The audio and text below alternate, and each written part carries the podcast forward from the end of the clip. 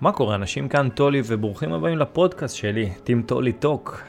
אני עשיתי את הפודקאסט הראשון לפני יותר משלוש שנים עם חבר טוב ז'ניה, שהאמת שהיה מעניין מאוד uh, לשמוע עכשיו איפה הוא ואיפה אני ביחס לרעיון הקודם.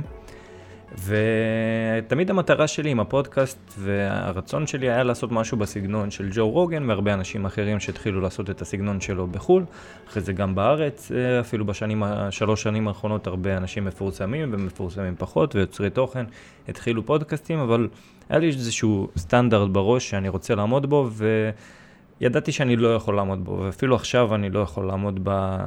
איכות צילום, ושיהיה לנו חדר, ושאנחנו נוכל לשבת, וכמה שאנחנו רוצים, ואף אחד לא יפריע מבחינת הרעשים, ובאופן כללי, ונוכל לשבת ולשתות ולעשן ולעשות מה שאנחנו רוצים, ושאף אחד לא יגיד לנו שום דבר. וזה מה שגרם לי בעצם לא לעלות שלוש שנים שום דבר לפה, כי אני מכיר הרבה אנשים סופר מעניינים שהיו שמחים לדבר איתי, אני חושב שהרעיונות האלה יהיו סופר מוצלחים ומעניינים, אבל אני חושב שגם בשנים האחרונות צברתי הרבה מידע והרבה דברים שאני יכול אה, להגיד על עצמי. אז אה, בפרק הזה אני אסכם לכם ב... לא יודע אם בקצרה, נראה איך שזה יצא, אה, את, את החיים שלי ואיך הגעתי לאן שהגעתי, ותראו אם, אה, אם אני מקווה שזה יעניין אתכם. אה, מעבר לזה, אני רוצה להגיד לכם שאתם יכולים לשאול שאלות לפודקאסטים הבאים שלי, ולתת לי פחות או יותר הכוונה של הדברים שמעניין אתכם יותר או פחות לשמוע. באתר שלי, imtoli.com, אתם נכון לרגע זה יכולים להיכנס ופשוט לשאול שאלה, אם אתם צופים בזה בעתיד, אתם יכולים להיכנס ל-im toly, t-o-l-y.com, slash askpod. Uh, כרגע זה פשוט מעביר לגוגל פורום שאתם יכולים למלא את השם שלכם uh, ואת השאלה שלכם, uh, אבל אתם יכולים גם לשלוח את זה בצורה אנונימית לחלוטין, אין שום בעיה עם זה, ומשם אני אתקדם ויהיו לנו פרקים שאני פשוט אדבר על השאלות שלכם, ואולי אפילו נאחד כמה שאלות לנושא אחד ולפרק אחד. Uh, בכל מקרה, בואו נתחיל. קוראים לי טוליק, אנטולי בתעודת זהות. אה, עלינו בשנת 97 לארץ מחצי האי קרים, שעכשיו יש שם את כל העניין. אני מקליט לכם את זה בשלישי לאוגוסט 22. המצב שם עדיין לא, לא משתפר, יש מלחמה כבר uh, כמעט חצי שנה, זה מטורף מה שהולך שם. אני כמובן חזק בצד של אוקראינה, אבל על זה אני אוציא פרק בנפרד. נולדתי בסיבסטופל, באתי לפה בגיל שלוש. למדתי עברית די מהר, אני זוכר, אה, יש לי זיכרונות ראשונים שאני נכנס לגן ואני מדבר ברוסית עם הילדים שם, ויש איזה מישהי שאני אומר לה אה, די, שהיא, אה לא, שהיא אומרת לי די, אה, והיא אומרת לי די בעברית, כאילו תפסיק, וברוסית די זה תביא לי. אז אני נותן לה כאילו משהו, והיא כל הזמן בוכה, תשחרר אותי כאילו, והיא בוכה, ואני כאילו ממשיך להיתקע לזה, אז זה נכנס לי טוב לראש. אבל אני זוכר שכבר בשנה הבאה שעברתי לגן אחר, אה, שלטתי כבר אה, יחסית במילים, וידעתי להגיע ולעשות מה שאני רוצה, לא, לא הייתה לי שום בעיה בגן.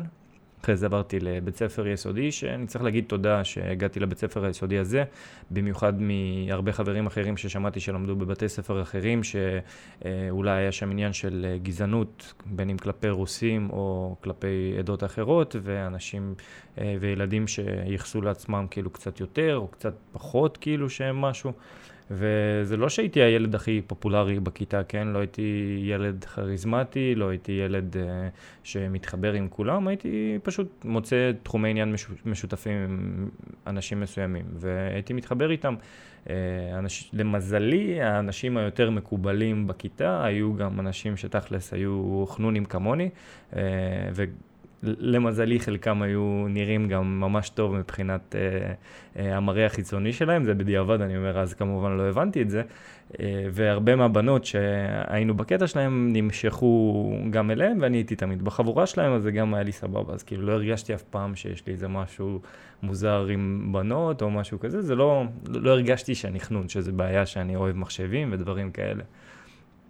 אבל אה, כן, אני זוכר שכבר מכיתה א' אה, ישבתי אצל חברים, אה, אצל ילדה אחת שעכשיו הם גרים באמריקה, אבל היה להם מחשב, הם היו, המשפחה, אבא היה רופא, אמא, אני לא זוכר, אבל היה להם כסף, והיה להם מחשבים, והיה אחות גדולה גם, שכאילו כבר היה לה הרבה מהדברים שקנו לה, ותמיד הייתי מגיע אליהם, ויושב על המחשב, ופשוט נוגע בכל הגדרה אפשרית, לא, לא הייתי יודע אז אנגלית כמובן, והכל היה, יכול להיות שזה היה בעברית האמת, אבל פשוט הייתי נוגע בהכל, פשוט הייתי משנה הכל, את כל ההגדרות, את כל הדברים, ופשוט אה, לראות איך זה משפיע, יכול להיות שהרסתי להם את המחשב בדרך, אני לא זוכר, הם לא אמרו לי שום דבר, אה, אבל אני לא זוכר שישבתי עליו יותר מדי, אז יש מצב שהרסתי שם איזה משהו, ואמרו, אוקיי, הוא צריך פחות אה, מחשב, לך שחק בסוני, היה להם גם אה, סוני אחד. אפרופו סוני, אני נזכר שמשחקים, ומי שמכיר אותי מהערוץ שלי כמובן יודע שיש לי, שהתחלתי ממשחקים, את כל ה... בוא נגיד הקריירת אונליין שלי, ואבא שלי היה משחק בסגה ג'נסיס, ש... זה קונסולה, אני לא רוצה להגיד לכם שנה, אבל אני חושב שיותר, שיצא כשנולדתי, אם לא לפני, שנולדתי ב-94. ועלינו איתה לארץ, ויש לי תמונה עד עכשיו שאני עומד וממיין את כל העשרות משחקים שיש לי שם. פשוט הייתי יושב ומשחק בלי סוף, אני זוכר שהיו מחביאים לי את הקונסולה שלי, ושאני לא אשחק אם אני, לא יודע, לא עשיתי איזה משהו. אה, וקנו לי או בכיתה א' או בכיתה ב' גם כבר את הסוני 1 סלים, הוא היה סוני 1 הקצר, המשחק הראשון היה תקן, תקן 3 וטרזן. אני חרשתי אותם באמת מאלף עד תף, זה מדהים כמה, ש... כמה שנמשכתי לעניין הזה הטכנולוגי ומשחקים. ו... ורק בכיתה ג' או ד' אני קיבלתי מחשב. כאילו, לחשוב שעכשיו לכל ילד מאיזה גיל מאוד קטן יש לו מחשב בכיס הרבה יותר חזק מאשר מה שהיה לי בגילאים האלה. היה שם, אני לא רוצה להגיד, אבל אם אני לא טועה, היה שם 80 ג'יגה של זיכרון, היה שם כמות מגבייטים של רם, וזה היה מחשב סבבה, זה לא היה עכשיו איזה מחשב אה, אה, פח. וכמובן שמחשבים אז לא היו נחשבים, אתם יודעים, מכשירים לגיימינג וכאלה, ויותר מזה, זה היה משהו די ידוע שמחשבים לא יכולים להריץ משחקים ברמה של אה, קונסולה, זה כאילו, זה היה שמיים וארץ, ואם איזשהו משחקים כן היו רצים, הם היו רצים משמעותית פחות. בקיצור, אה, קיבלתי מחשב בג' או ד', ו... חיבור לאינטרנט, אני זוכר שהתקינו והתחלתי לשחק משחקי אסטרטגיה, משחקי חשיבה, ואז אינטרנט, ונכנסתי חזק לפורומים. כשהייתי ביסודי היה חזק מאוד פורומים, ובפורום כשאתה נכנס יש לך מלא נושאים שאנשים מעניינים אותם והם מפרסמים שם כל מיני מדריכים והסברים ומשתפים כל מיני דברים שהם עשו בנושא. אז הייתי כל הזמן מדפדף ומסתכל איפה יש עניין להרבה אנשים ומה מושך אותי. ועניין אותי להיות טוב בדברים האלה. כאילו אמרתי, אוקיי, אם יש פה קטגוריה בפורום הזה של משחקים, ויש פה שבעה משחקים, כנראה שהשבעה משחקים האלה סופר פופולריים. והיה לי חשוב להיות ממש טוב במשחקים האלה, והייתי קורא מדריכים ומשתפר ומשחק, ואז גם כאילו עברתי לתחומים אחרים, והיו חתימות בפורומים, כל פעם שאתה מפרסם פוסט, ב- בסיום של uh, הודעה, יש לך את החתימה שלך, שאתה יכול לכתוב שם סתם את השם שלך בטקסט, ואתה יכול לשים שם תמונה. עכשיו, בפורום הראשון שאני הייתי חבר בו, זה היה חבר, ש... זה היה פורום של דרגונבול, uh, dbzu.pagaz.net. זה האתר, dbzu.net זה אחרי שהשדרוג. אני הייתי שמח לדבר עם הבעלים של האתר הזה עכשיו ושל הפורום, ואם יש להם איזה שהם דברים שמורים. Uh, אז הכינוי שלי היה גוטנקס SS5. עכשיו, גם בתקופה הזאת נראה לי שלא סיימנו בכלל לראות דרגונבול, ואיך שהייתי רואה דרגונבול זה להוריד מאימיול.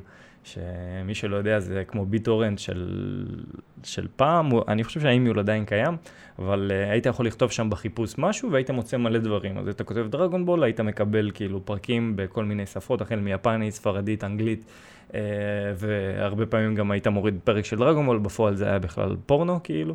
אז uh, לא שזה היה יותר מדי רע בשבילי, אבל אני מרגיש שגם הורדתי הרבה וירוסים למחשב בתקופה הזאת.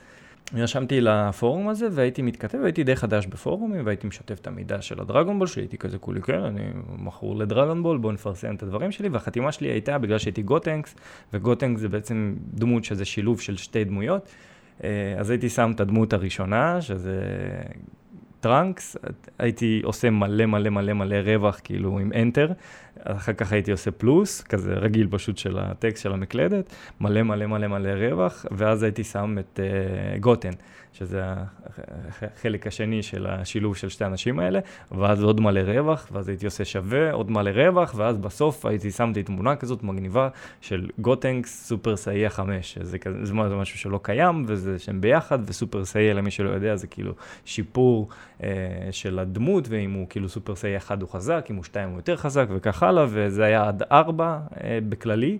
אה, אפשרי, וזה היה חמש, זה כאילו היה משהו שהמציאו, בשבילי בתור ילד היה סופר מגניב. וכל פעם שהייתי כותב הודעה בפורום הזה, בעצם הייתי גורם לאנשים לגלול איזה שעה וחצי עם העכבר שלהם.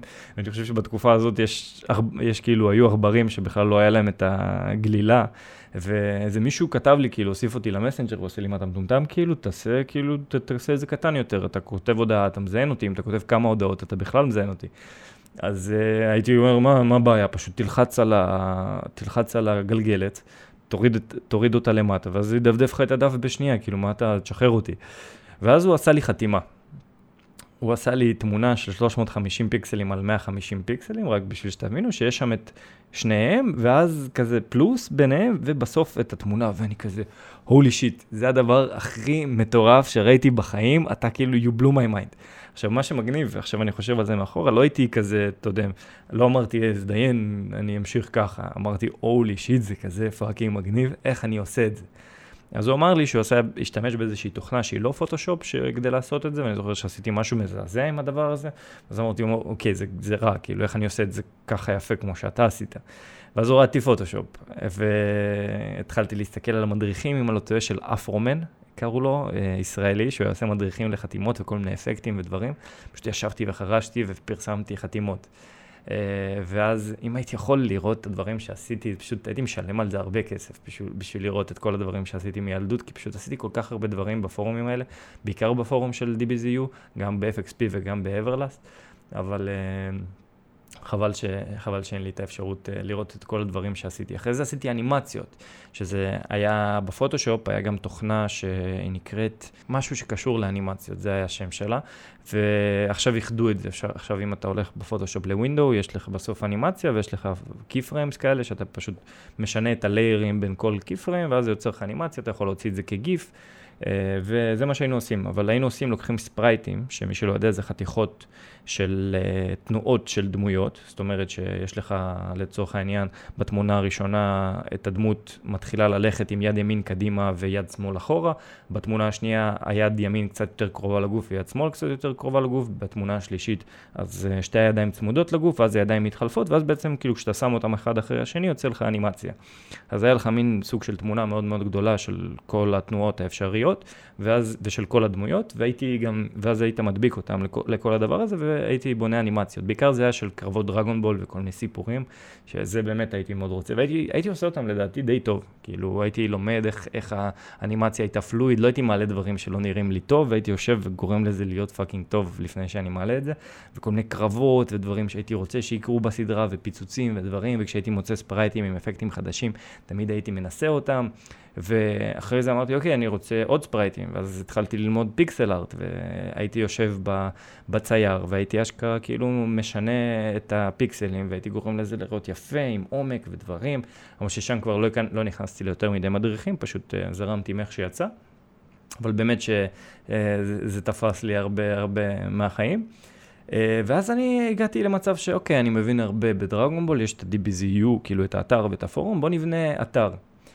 ואיך איך, איך הגענו לבניית אתרים? אמרתי, אוקיי, בואו ננסה לבנות את זה. הורדתי תוכנה שנקראת FrontPage של מייקרוסופט, שזה היה סוג של Word, שאתה בונה שם אתר, ואז היית מדפדף ורואה איך האתר הזה כתוב בקוד, כתוצאה מהדברים שעשית בוורד, כאילו בסוג של וורד. ואז השלישי היה מציג לך, היה שם שלושה טאבים כאלה, והטאב השלישי היה מציג לך איך האתר נראה באינטרנט. עכשיו, לא נכנסתי ללמוד איך עושים את הדברים, אני פשוט התחלתי לעשות דברים, נכנסתי, ראיתי שזה HTML, אמרתי, אוקיי, איך אני משנה את הצבע לזה ואת הצבע לזה, נכון לאז לא היה CSS, היית צריך לעשות את כל הדברים בתוך ה-HTML, ואיכשהו הייתי גורם לזה לעבוד, אבל תמיד לא הבנתי איך אתם גורמים לכל מיני דברים, נגיד, להיות רספונסיביים. כאילו, אם אני עכשיו, יש לי כמות מסוימת של טקסט, סבבה, אה, זה נראה טוב. אבל אם יש לי יותר טקסט, אז כל, ה-layout שהייתי בונה, כל האתר היה נשבר. כי אני צריך עכשיו לעשות אותו במיוחד בפוטושופ ארוך יותר. לא הבנתי שאתה צריך לעשות את הדברים בחוץ, ואז הבנתי שיש דבר שנקרא i-frame, שאתה יכול ללחוץ על קישור, ואז האמצע ישתנה לך, ואז אמרתי, אוקיי, זה יכול להיות סוג של דינמי. והייתי מנסה לעשות כל מיני דברים, אבל זה אף פעם לא היה יוצא באמת כמו שהייתי רוצה, ואני זוכר שגם קניתי ספר של HTML וישבתי ולמדתי אותו וזה, אבל גם הזנחתי את זה די מהר, כי רוב הדברים שהיו שם כבר לימדתי את עצמי, ולא לא באמת היה שם מספיק מידע כדי לגרום לי לבנות את הדברים שרציתי לבנות, אז עשיתי כל דבר שילד ביסודי יעשה, זה דילגתי על כל זה ואמרתי, fuck it, אני אעשה פורום. אני כל כך רציתי להיות מנהל בכל מיני פורומים, ב-DBZU הצלחתי להיות מנהל נראה לי של MapleStory, למרות שברגע שקיבלתי את הדרגת מנהל הפסקתי לעשות את כל הדברים שעשיתי כדי להתקבל להיות מנהל. כאילו, אתה נכנס לפורום, אתה צריך לפרסם נושא, והייתי מפרסם מדריכים, ואיפה ברמה כזאת לעלות רמות, ואיפה ברמה כזאת לעלות רמות, ומה האייטם הזה עושה, ואיך להשיג את האייטם הזה. קיבלתי מנהל, לא נגעתי בזה כלום, ואף אחד גם לא שאל אותי שום דבר, הייתי הייתי שם מנהל שנים קדימה בלי לעשות שום דבר. אבל אמרתי לעצמי, אוקיי, אני כל כך רוצה לנהל פורום, בוא נבנה לעצמי פורום, כאילו, מה הבעיה? מסתבר שזה היה קצת בעיה, כי אמנם ידעתי סוג של איך לבנות אתר, אמרתי, זה, מה, מה יכול להיות שונה? זה כמו אתר, כאילו, מה? אה, והייתה חברה שנקראת IB, אני, אולי היא עדיין קיימת, שהייתה בונה פורומים. והפורומים, הגרסאות המתקדמות שלהם היו עולות כסף, וחלקם לא היו מדובבות לעברית. אבל הגרסה שלהם, אני עד היום זוכר, IB Hub, שזה היברו, כאילו IB היברו 1.3, הייתה בחינם והייתה בעברית. אז אני זוכר שאתה מוריד את זה, יש לך קובץ אה, רר, והיית צריך להעלות אותו לשרת, ואני כזה, מה זה שרת? כאילו, אתרים שהייתי מריץ אה, לפני זה, הייתי מריץ אותם על המחשב שלי, לא הייתי אף פעם מגיע למצב בכלל שאני מעלה אותם לאנשהו. ואז אני כזה, אה, יש שרת, מה זה שרת? אוקיי, זה מחשב שמריץ במקומי את ה... וזה לא היה פשוט להריץ לבד באותה תקופה שרתים על המחשב, או שכן היה פשוט, אבל לא היה לא היה לי מספיק שכל אה, להבין את זה בעצמי. ואז אני כזה, אוקיי, מה זה שרת? ואז מצאתי שרת שנותן לך איזה 220 מגה בחינם, אבל יש לך פרסומת מגעילה בכל הצד של המסך, כל הזמן. אבל אמרתי, למי אכפת? זה בחינם, let's go. אחרי זה אני כזה, אוקיי, העליתי את הקבצים, מה צריך לעשות עכשיו? צריך להתקין את זה. כזה, איך מתקינים את זה? אתה צריך להיכנס לקובץ PHP מסוים שהעלית, אני כזה, אוקיי, כתבתי את זה בשורת כתובות, ואז זה סוג של כמו התקנה כזה, אתה עושה next, next, next. ואז הוא אומר לך, האתר שלך לא תומך ב-PHP. אני כזה, מה, למה הוא לא תומך ב-PHP? מה זה אומר בכלל? וזה. ואז הבנתי שצריך להפעיל אותו שם, למזלי הרב כן היה אפשר uh, לסדר את זה, ב, ב, וזה לא גרם לי לשלם כסף, כי אין מצב שההורים שלי היו נותנים לי שקל למשהו שקשור שאני עושה באינטרנט, שלא לדבר, לא חשבתי בכלל לבקש. כאילו, שקל באינטרנט הרגיש לי כמו, וואו, אז הייתי צריך להבין מה זה סרבר, מה זה PHP, אחרי זה הייתי צריך ליצור, ליצור לעצמי uh, מסד נתונים, ואז הייתי צריך להתעסק איתו, וזה MySQL, והייתי צריך להבין איפה כל דבר נמצא, וכדי להעלות, להעלות את כל הדברים האלה בצורה נוחה, הייתי צריך ללמוד להשתמש ב-FTP, ומה זה FTP, ואיך משתמשים בזה, והעברות קבצים, ועניינים ודברים. אבל הצלחתי, בסופו של דבר הצלחתי, וככה גם תכלס למדתי אנגלית. אני אגיד לכם את האמת, האנגלית שלמדתי הייתה די מקרטעת, הייתי יודע הרבה דברים טכניים, אבל לא דברים של דיבור, אבל איכשהו בראש שלי, אני האמנתי שאני יודע אנגלית בין אלף זונה, כאילו ברמה שאני עכשיו יכול לפתוח ספר באנגלית ולקרוא אותו מאלף עד שכמובן עכשיו אני יכול ואני עושה את זה כמו שאני עושה את זה בעברית, אבל אז זה ממש לא היה ככה. והיה לי חבר מכיתה א' ש... אה, הוא היה דובר אנגלית, הוא בא מה, מאמריקה כאילו לחיות פה, ואני זוכר שהיה לו ספר. ואמרתי, fuck it, אני אקח את הספר שלו ואני אקרא אותו ל book report שאני צריך לעשות כאילו אה, בבית ספר, ותכלס, לא ידעתי, לא, לא הייתי קרוב לרמה של לקרוא ספר כזה שמן בכלל, שלא לדבר על באנגלית. אה, אבל איכשהו שכנעתי את עצמי שאני יודע, וכל פעם שלא ידעתי מילה, למדתי, ו- וזה גרם לי להגיע למצב שאני באמת יודע אנגלית ממש טוב, ממש כמה שנים אחרי זה, אה, אפילו שנה בערך אחרי הרגע שהוא הביא לי את הספר, שכאילו סוג של הבנתי עם עצמי, אוקיי, אין לי מספיק רמה, הגעתי לרמה שאני אולי לא יכול לקרוא את הספר הזה, אבל זה היה ברמה, בוא נגיד, פי כמה יותר גבוהה מרוב החבר'ה הרגילים שלמדו אנגלית סביבי. הקמתי את, ה, את הפורומים האלה, ואז, ואז למדתי משהו נוסף, הבנתי שלא מספיק לבנות פורום, אוקיי? כאילו, יש לי פורום, זה לא שבניתי פורום וכולם כזה, אוקיי, בוא נגיע. אבל, ואין אנשים בפורום, אני צריך שיהיו אנשים. אבל בדיעבד אני מבין את זה, אבל אז לא הבנתי את זה, אז אמרתי, אוקיי, הפורום הזה לא עבד, בוא נבנה עוד פורום, ועוד פורום, ועוד פורום. וכל פעם הייתי קורא לו איזה משהו אחר, לפעמים הייתי קורא לו על שם בדיחה. והייתי צריך גם בשביל uh, שהפורום יהיה מגניב ומיוחד ולא כמו כולם, צריך לשנות לו את העיצוב ולהבין איפה הלוגו נמצא. ואני זוכר עד היום שזה לוגו 4, זה הלוגו 4, זה צריך לשנות אותו וזה משנה לך את הלוגו בזה. ואז זה כזה, אוקיי, איך אני משנה את הצבעים? ואיכשהו הגעתי להגדרות של CSS, שלא ידעתי בכלל מה זה CSS באותו זמן, שזה אחראי על העיצוב של האתר, והייתי משנה שם דברים עד שהייתי מבין מה גורם לזה לעבוד, מה גורם לזה להשתנות, ואז הייתי, הייתי גורם לזה לעבוד, זה היה סבבה, זה היה נראה כמו שאני רוצה, ואם זה לא היה נראה כמו שאני רוצה, הייתי זורם על משהו, על רעיון אחר, שזה נראה הגיוני, לא שבור. אה, וזה, וזה, וזה נתן לי אחלה, אחלה של בוסט, כי אני מרגיש שבבית ספר, במיוחד ביסודי, הרמה בשבילי לא הייתה יותר מדי גבוהה, וזה לא שאני עכשיו איזשהו גאון או משהו, אני מרגיש שרוב הילדים בתכלס, שמקשיבים באמת בשיעור, זה מספיק מידע בשבילם, בשביל אשכרה לקבל ציון טוב במבחן. אם הם עושים שיעורי בית אז בכלל לא בעיה, אבל אני פשוט הייתי מדלג על השלב של השיעורי בית. והיו ממש מענישים אותנו על זה, ו...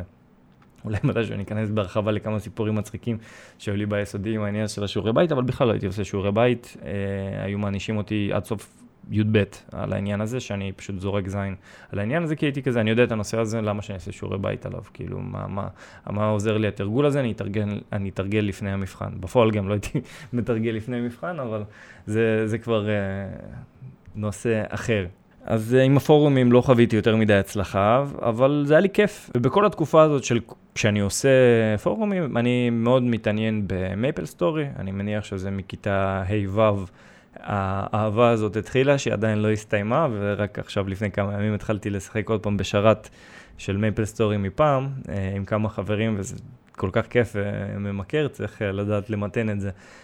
הם עשו כל כך הרבה דברים נכון במשחק הזה, וזה מדהים לראות ממשחק של מ-2006, כאילו 17 שנה עבר מאז. שיחקתי בכל התקופה הזאת MapleStory, ובשלב מסוים אני כזה, אוקיי, זה חונק אותי, יש האקרים, אנשים עולים רמות מהר, איך אני עושה את זה? איך אני גם מגיע למצב שאני עולה רמות מהר ב MapleStory?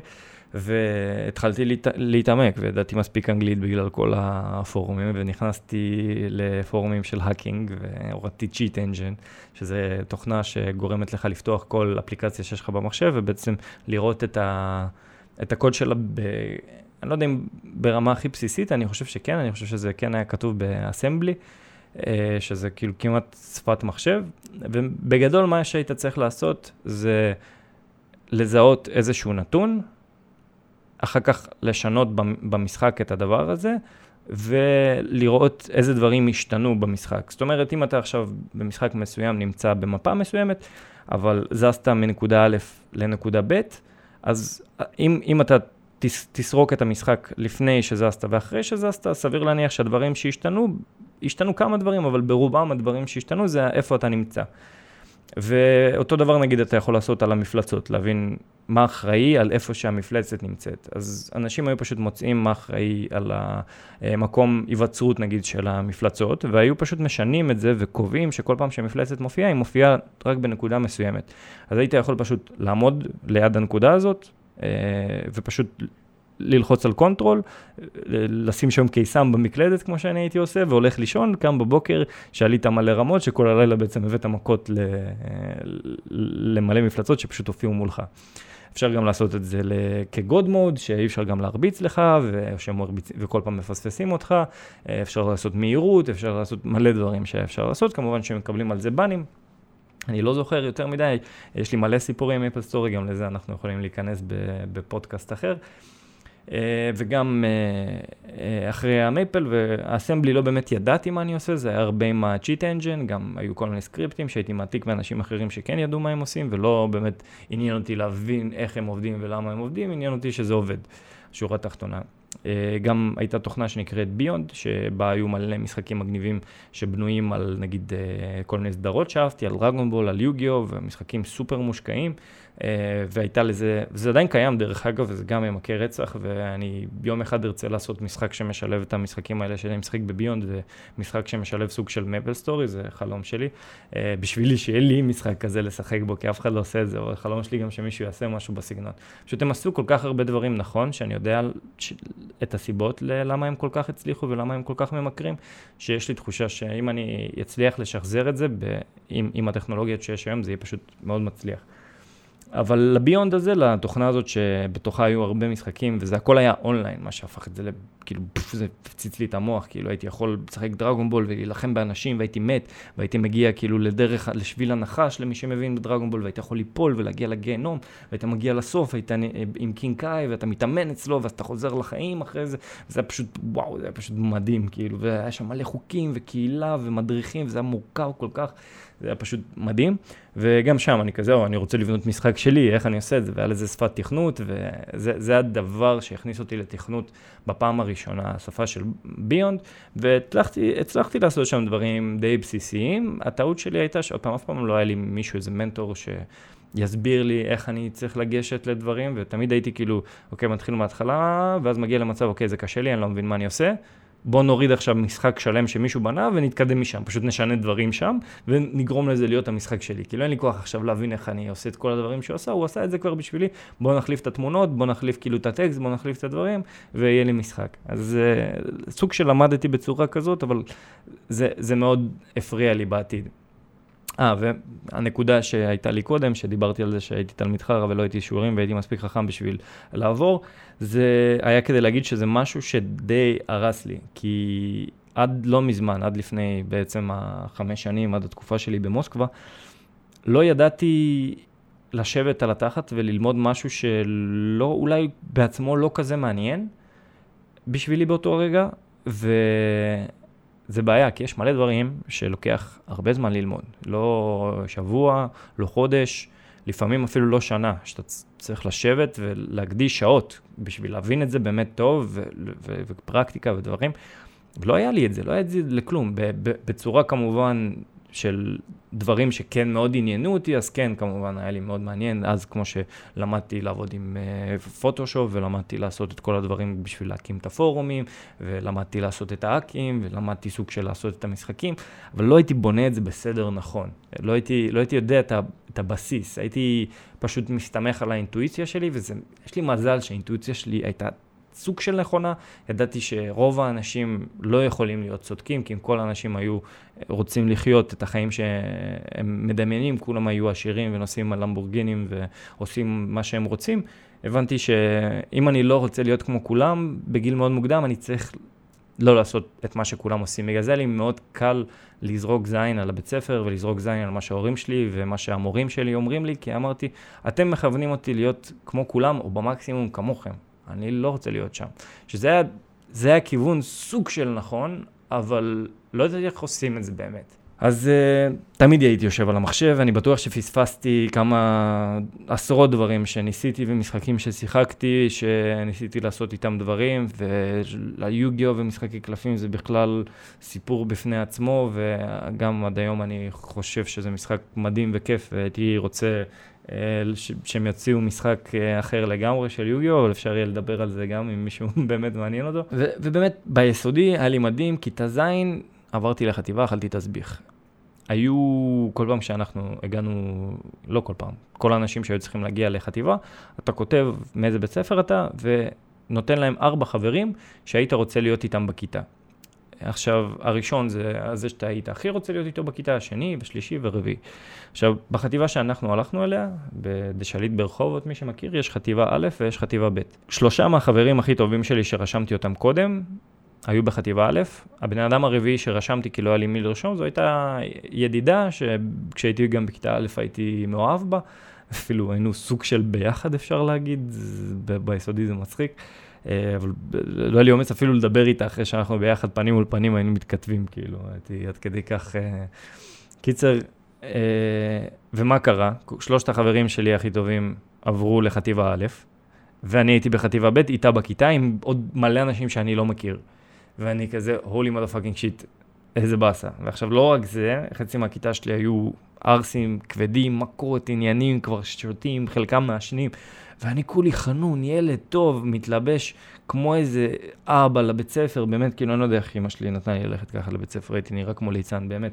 הייתי בא עם מכנס כתום וחולצה כתומה של בית ספר עם קרוקס כתום, כאילו הייתי כולי כתום ו fucking קרוקס, כאילו, לבית ספר.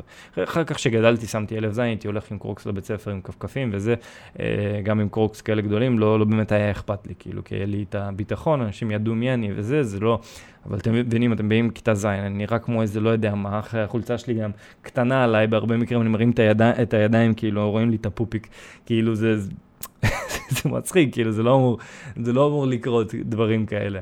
כאילו, אם היא התכווצה בזה, אני לא יודע, לא יודע איפה ההורים שלי היו אז. להגיד לי ש...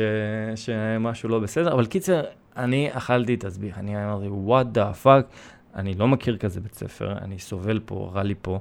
אה, הלכתי שם מכות עם איזה ילד חנון, אני לא יודע איך הגעתי למצב שאני רב איתו מכות, הוא יכול להפיל לי את הפלאפון נראה לי, והתחלנו שם. קיצר, הזוי. אה, ובאתי אליהם, ולמחנכת שלי, אמרתי לה, שומעת, כאילו כל החברים שלי בחטיבה א', תעביר אותי לחטיבה א'. היא אומרת לי, לא, אני לא יכולה לעשות את זה. אמרתי לה, שומעת, כאילו, או שאני עובר בית ספר, אני צריך אשכרה עכשיו יהיה לעבור לבית ספר אחר, שבראש שלי היה, היה לי לאן אני עובר, אבל זה בית ספר שצריך לשלם עליו כסף, פשוט תעבירי אותי לחטיבה א', כאילו, זה, ולה כנראה, אירנה, אני זוכר את זה עד היום, כאילו, באמת ש... היה לה קל לעשות את זה. באמת שאני די בטוח שהסיבה שהיא לא עשתה את זה, זה כאילו כי זה נראה רע עליה, שהיא צריכה לגשת כאילו להנהלה ולהגיד שיש תלמיד שרע לו בבית ספר, והייתי אומר לה למה רע לי, ואותם ערסים, סיגריות, בלה בלה בלה. כמובן שהיא לא הייתה רוצה להגיד את זה שהתלמידים שלה כאלה כנראה לאחראי שלה, כדי שאני אעבור לחטיבה. אז היא העדיפה שאני fucking אעבור לבית ספר בעיר אחרת, שאני צריך לקחת עליו הסעות ולשלם עליו אלפי שקלים. אה, אבל זה מה שעשיתי, כאילו היא אמרה לי לא, אז אמרתי לה, זדני, וכן, עברתי לבית ספר אה, אחר, ליואנה ז'בוטינסקי באר יעקב, שעכשיו זה בית ספר סוג של לא בהכרח, נראה לי שבתשלום, הרבה מבאר יעקב הולכים אליו. אני יודע שניר שרעבי, מי שמכיר את השידורים שלנו ואת זה שלו, הלך או הולך, לא הלך, נראה לי הוא בצבא כבר. אה, לשם, וכאילו פעם זה היה בית ספר רק של רוסים, כאילו 97 אחוז רוסים, אולי 98, 2 אחוז אתיופים, כאילו זה, זה, זה היה סדר גודל של הזה. מה שכן, זה אפשר אותי, זה אפשר לי לבנות את עצמי מחדש. באתי, אף אחד לא הכיר אותי, אף אחד לא ידע שאני חנון, הייתי טוב באנגלית, הייתי די טוב במתמטיקה, שמו אותי ביחידות גבוהות, אנשים גם די חכמים, רוסים, באנו מאותם, כאילו, פחות או יותר מקורות, אה, ההורים שלנו חינכו אותנו פחות או יותר אותו דבר, היה לנו הבנה. אה, מלא בנות יפות, רוסיות, ש... פתאום אני הייתי מוצא חן בעיניהן, כאילו, וזה היה לי משהו חדש, הייתי מתחיל לעשות תספורות, לצבוע את השיער, עשיתי עגיל בגבה, אה, היה לי תמיד עגילים באוזניים, אה, היה לי כאילו באוזן שמאל אה, עגיל אחד שעשיתי בגיל די קטן, ביסודי, ואז עוד, עוד עגיל אחד שעשיתי נראה לי כיתה ו', אולי ז', עוד אחד, פשוט זה היה ספונטני.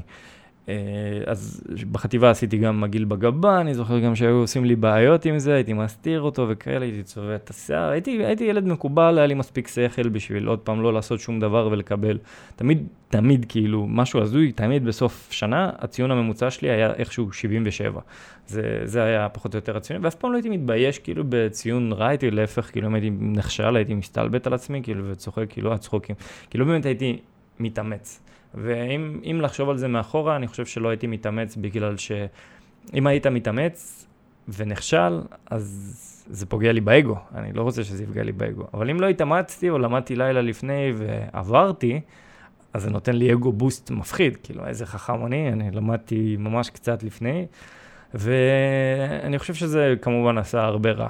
כי ברור לי עכשיו שאם הייתי יושב כמו בן אדם ומקדיש איזה שעה, שעתיים ביום פשוט לשיעורים ולהבין מה לימדו אותי, יכול להיות שהייתי יכול לא להגיע לכיתה ולהוציא 90, 95, 100 במבחנים. זה לא דורש ממך יותר מדי, במיוחד ברמות האלה. Uh, אני חושב שעוד פעם, אני לא בן אדם שיש משהו שאי אפשר היה ללמד אותו, אבל תמיד ש...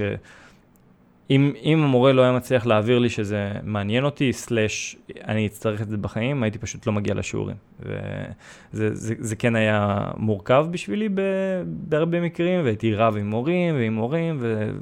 אבל היה, היה מה שהיה. נקודת המפנה, אני מרגיש אולי הכי גדולה שהייתה לי בחיים, הראשונה, אולי לא יודע אם הכי גדולה, הכי גדולה כנראה זה במוסקבה, אבל בכיתה ט', אם אני לא טועה, אני בן 15 אז, אני רציתי להתחיל כבר, כאילו דיברתי עם ההורים שלי, שומעים, כאילו אני רוצה להתחיל לעשות uh, רישיון, uh, וגם היה לנו טיול לפולין שמתקרב. אז אמרתי, אני רוצה לטוס לפולין, תביאו כסף, ואני רוצה רישיון, תביאו כסף. והם עושים לי, לא, אתה צריך לבחור או רישיון או פולין. ואמרתי לעצמי, מה, אה, בטח שרישיון, כאילו, אני ילד חכם, יעני, אני חושב על עצמי, מה, רישיון זה לכל החיים, יהיה לי זה, יהיה לי פה.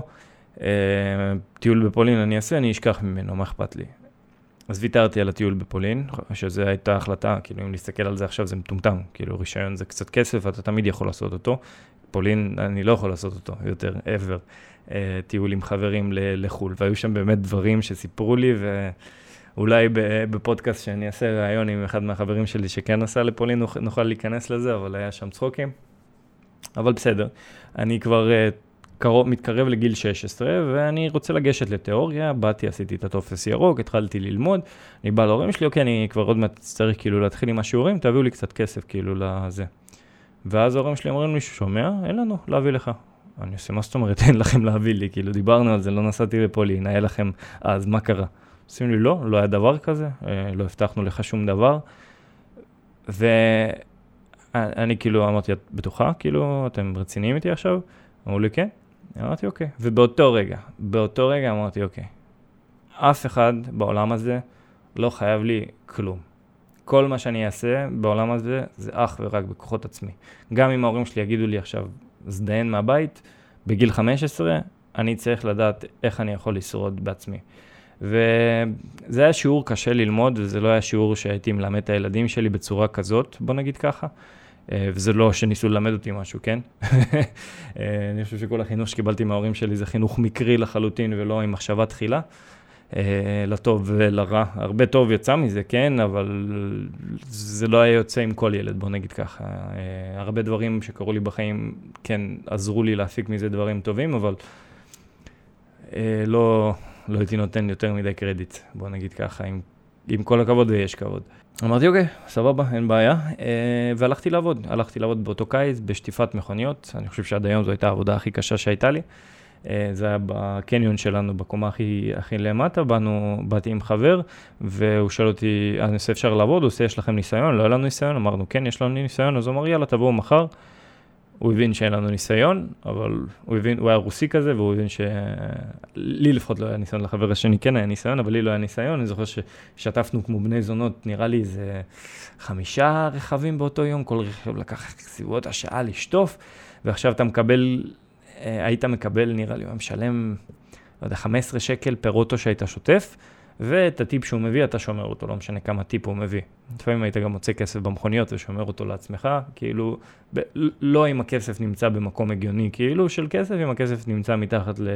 אה, נגיד, מתחת לשטיחון, או מתחת לזה, ואתם יודעים שזה לא איזה סכום עכשיו, זה לא איזה סטפה של 5,000 שקל, או משהו כזה.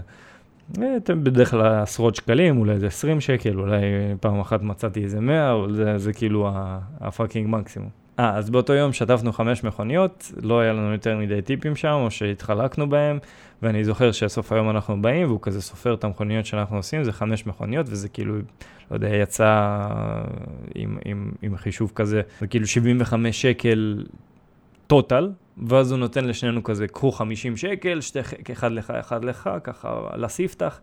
ואני מסתכל על ה-50 שקל האלה, ואני אומר, fucking shit, עבדתי עכשיו כמו בן אלף זונה, איזה 5-6 שעות בשמש, מסריח.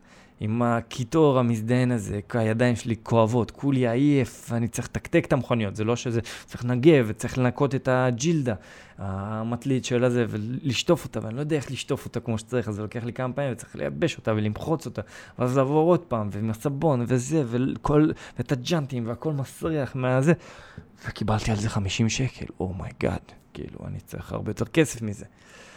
אבל אוקיי, כשהתחלתי לעבוד לבד, אז אתה כאילו, כל אוטו שאתה עושה, זה הכל נכנס אליך, וטיפים, והיית זה, וגם עבדתי שם חודש.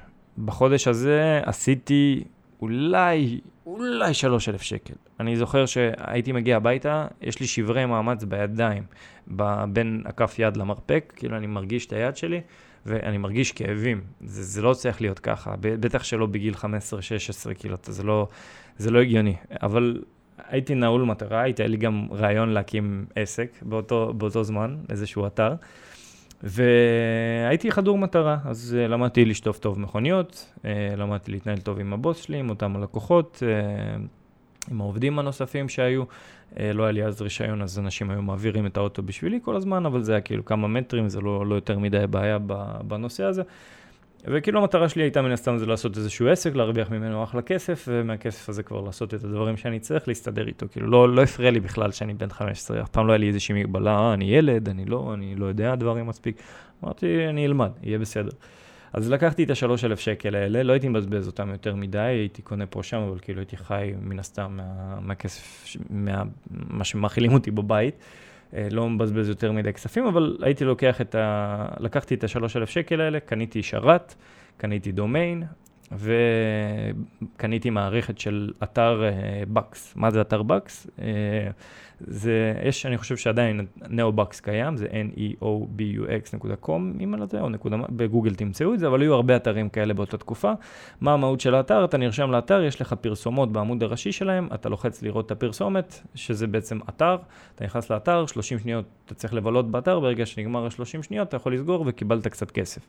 באותה תקופה זה היה משהו כמו סנט ל-30 אה, שניות של צפייה. אז, ובדרך כלל היה שם ארבע פרסומות, אז היית יכול לעשות ארבע סנט ביום, ומדי פעם, כאילו אם היית יושב על האתר עושה refresh־ים, היו כאילו דברים שצצים ונעלמים, כי הם היו עושים, נגיד, הם היו קונים עשר אלף כניסות לאתר שלהם, הם היו משלמים לאותו אתר אה, נניח שתי סנט ללחיצה, הם היו משלמים לנו סנט, שמים את ההפרש בכיס, את הסנט הזה. אז uh, בתור ילד שכמו שאמרתי קודם, שמאוד רצה להרוויח כסף באינטרנט, אמרתי, oh my god, אני יכול להרוויח כסף באינטרנט, הם ישלחו לי את זה ל PayPal, איזה כיף, כאילו, מה אכפת לי שאני צריך להיות בן 18, אני אכתוב שאני בן 18, לא, לא הדאיג אותי יותר מדי ב, ברגעים האלה. קיצר, אני נכנס uh, לאתר, מתחיל 4 סנט, 4 סנט, 4 סנט, אני מבין שאוקיי, להגיע ל-2 דולר מינימום ייקח לי תקופה. אני לא חושב שאפילו עשיתי את החישוב של כמה זמן ייקח לי, אבל היה שם קטע שאם אתה רושם מישהו תחתיך, אז אתה יכול לקבל חצי מהכסף שהוא מרוויח. אז התחלתי לרשום את עצמי תחתיי תחת מלא אימיילים, והיה לי רשימה של מאות אימיילים, שפשוט הייתי יוצר בג'ימל, והוא לא היה מגביל אותך באותה תקופה, עכשיו הוא כן, והייתי רושם את כל הסיסמאות, והייתי גם כאילו... הייתי קורא להם ג'ורג' זה וזה, כאילו כל פעם הייתי נותן להם שמות אחרים, פעם הוא רוסי, פעם הוא זה, פעם הוא שם, לא הייתי כאילו מוצא איזשהו קשר, זה לא הייתי קורא להם טוליק 1, טוליק 2, טוליק 3, אמרתי בוא ננסה לגרום לזה כאילו להיות אמיתי. אז אני זוכר שכאילו כמה פעמים הצלחתי לעשות קאש אאוט של כמה דולרים, אני הרגשתי הבן אדם הכי חכם בעולם, הרווחתי 10 שקל במאמץ כזה, אבל uh, בסופו של דבר הגעתי למצב שמביאים לי בן, ואני כזה אוקיי. בוא נעשה אתר כזה. זה כאילו לא יכול להיות, איך אני יכול להפסיד? אנשים משלמים לי שתי סנט, אני משלם סנט אחד, ההפרש בכיס שלי, אם יש לי אלפי משתמשים או יותר, אני מרוויח אחלה של כסף כל יום, מה, מה יכול להשתבש? גם יש שם קטע כזה שאתה קונה, כאילו, אם, שאתה gold subscription ואתה משלם על זה כל חודש, ועל זה אתה מקבל על פרסומת במקום סנט אחד, סנט וחצי, וכאלה, כאילו, היה שם כל מיני דברים מוזרים כאלה, ואתה מקבל יותר כסף ממי שנרשם תחתיך. עכשיו, זה המשחק הזה של כאילו להיכנס לכל מיני פורומים, לפרסם את הקישור שלך, שאנשים ירשמו דרכך ויעשו דברים כאלה. כאילו, זה המשחק עצמו, זה לא, לא שהיית צריך להירשם תחת עצמך, זה אני פשוט חשבתי על זה בתור uh, ילד חמדן. אוקיי, אז אמרתי, אוקיי, אני יכול לבנות אתר כזה, רק הרבה יותר מגניב, שהוא מת, מתעדכן בצורה אוטומטית, ויש לי עד עכשיו משהו כמו מסמך Word uh, של חמש או שש דפים, שקראתי אותו לפני איזה שנתיים, אני זוכר שהופתעתי מעצמי ומהרמת אנגלית שלי ומאיך שכתבתי אותו בגיל 15-16, לא זוכר בדיוק מתי זה היה. Uh, בראש שלי זה, זה 15, אבל כאילו, לא יודע, אולי, אולי עד גיל 16 עשיתי את זה, זה, זה הגיוני האמת, כי אם זה בקיץ, whatever. אני קיצר אה, מבקש מאותו בן אדם שיעשה לי את כל הפיצ'רים לאתר, ועל הדרך הוא מביא לי את הפיצ'רים הרגילים, בוא נגיד ככה. אז uh, הפיצ'רים המיוחדים היו לדעתי מאוד מיוחדים, אני זוכר שהיה שם עניין של נראה לי תחרות בין אנשים, ושדברים uh, היו מתעדכנים בלי רפרש, שזה היה ממש מגניב, ועוד איזה שהם כמה דברים לווידוי שלא מרמים אותך, ו... אני, אני זוכר שזה היה ממש מגניב, שכאילו היית, היית, היית יכול לראות בלייב שדברים מתעדכנים, וידעתי שזה יעשה לאנשים כאילו חשק להישאר באתר ולראות אם דברים חדשים מתווספים. וקיצר חשבתי על כמה רעיונות ממש מגניבים, ושאלתי אותו, תגיד, אתה יכול לעשות את זה? אם כן, אני קונה ממך עכשיו, פלוס משלם לך כסף על הבנייה של הדבר הזה. אז הוא אומר לי, בטח, אין שום בעיה, נשמע לי מאוד פשוט לעשות כל מה שאתה כותב פה. והמנוי היה כמה מאות דולרים לשנה, פלוס הוא אומר לי כמה מאות דולרים שעל השינויים הזה. אני אומר לו, אוקיי, סבבה, אז אני קונה ואתה תעשה את זה. הוא עושה לי, כן, רק תשלם לי מקדמה איזושהי על הדבר הזה. אמרתי לו, אין בעיה, קח את המקדמה, קח את הזה.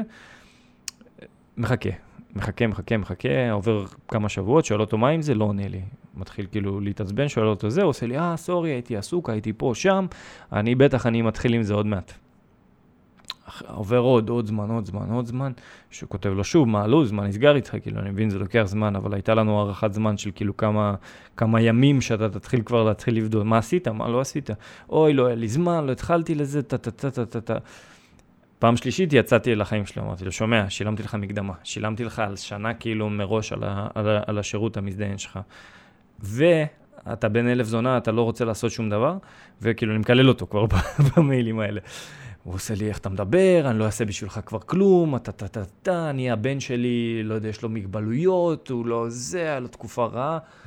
אני עושה לו, לך תזדיין על הזין שלי, תחזיר לי את הכסף, אתה לא היית צריך להיכנס לזה אם אתה לא יכול וזה, ואני כולי ילד, כן, ואני יוצא על בן אדם מבוגר עם... שיש לו עסק, לזה, אני לא יודע בכלל למה הוא נכנס איתי לכל זה.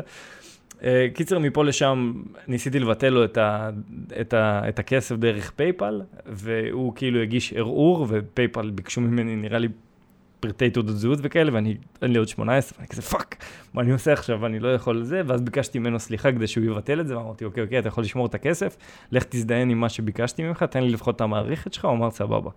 אז uh, הרגשתי רע עם עצמי, אבל זה כאילו, אני יודע מה עברתי בשביל להרוויח את בערך אלף ומשהו שקל שהוצאתי שם, ואמרתי, אוקיי, אני צריך כאילו להוציא מזה משהו.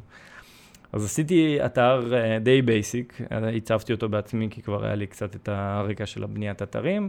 Uh, עשיתי שם תחרות למי שמגיע להכי הרבה מקבל 100 דולר, מי שמגיע מקום שני מבחינת הפרסומות מקבל שם 50 דולר, בלה בלה בלה, והשקתי. והאתר התפוצץ. האתר, היו לי מאות אלפים של כניסות בחודש, אם לא יותר. מלא אנשים מווייטנאם וכל מיני אתרים כאלה, אני בטוח שהרבה מזה פחות או יותר בוטים. אבל מה הקטע שלא הבנתי אז? שהפרסומות שאני צריך שיהיו בתוך האתר, ש... שאותם האנשים שמביאים לי שתי דולר ואני מביא להם דולר אחד, סליחה, שתי סנט ואני מביא סנט אחד, אותם אנשים צריכים להגיע אליי, אותם מפרסמים צריכים לרצות לפרסם באתר שלי, כדי שאני אשים את הפרסומות שלהם. אז יצא מצב שאני צריך לשים ארבע פרסומות שמשלמות כסף לאנשים. אבל מה אני שם? אז uh, שמתי אתר, הרעיון היה חכם, שמתי באתר הראשון מין סוג של אתר, אם מישהו מכיר את ה million dollar page, שהוא עדיין קיים, הוא מכר מיליון פיקסלים על המסך,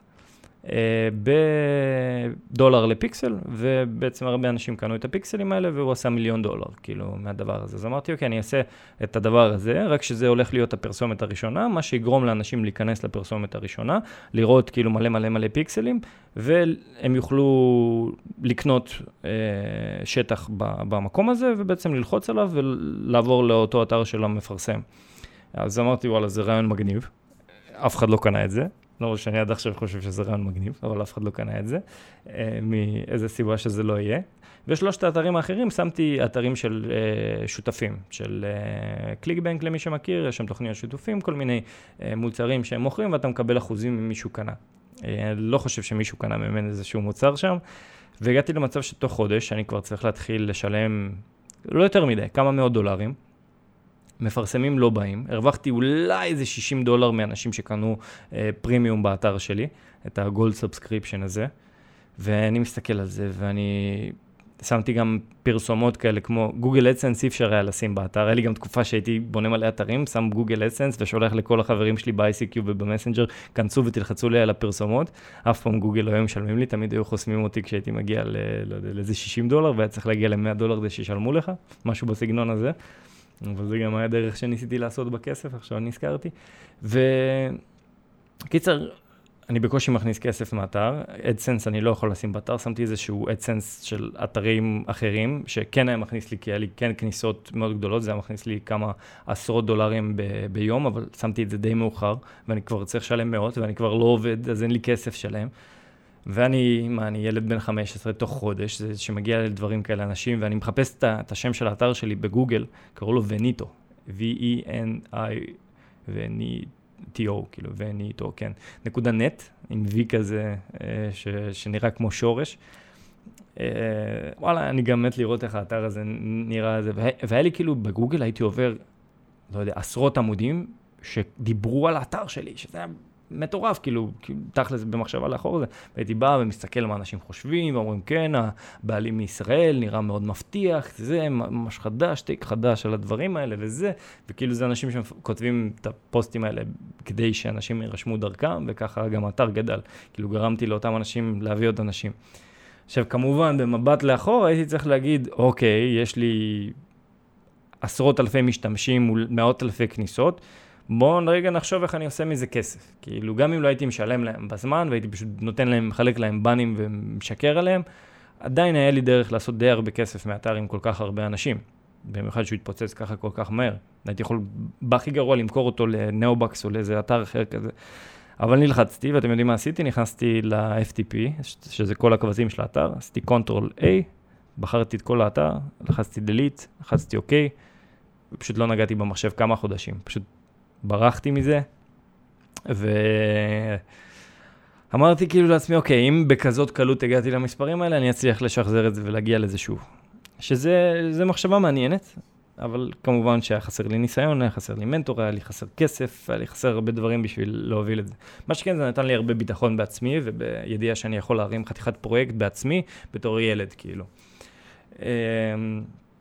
ואז התמזל מזלי, וחבר טוב שלי אה, מהיסודי, שהיה באותה חטיבה א', אבא שלו היה, עד עכשיו נראה לי הוא מתעסק בזה, אבל בעיקר הוא היה מייבא פלאפונים, והוא היה עובד עם חברות גדולות כמו סלקום, ומייבא להם את הדברים, ואז הוא התחיל כזה, הוא אמר, טוב, בוא נפתח uh, חנויות, כאילו זה אחלה כסף, אני מזמין דברים מסין בכמה שקלים, ואני מוכר את הדברים האלה פה בכאילו 30, 40, 50, 100, 120 שקל, uh, יש לי את הקשרים של היבוא, למה שאני לא אייבא את כל הדברים האלה ואני אמכור אותם פה, uh, והוא היה צריך עובדים.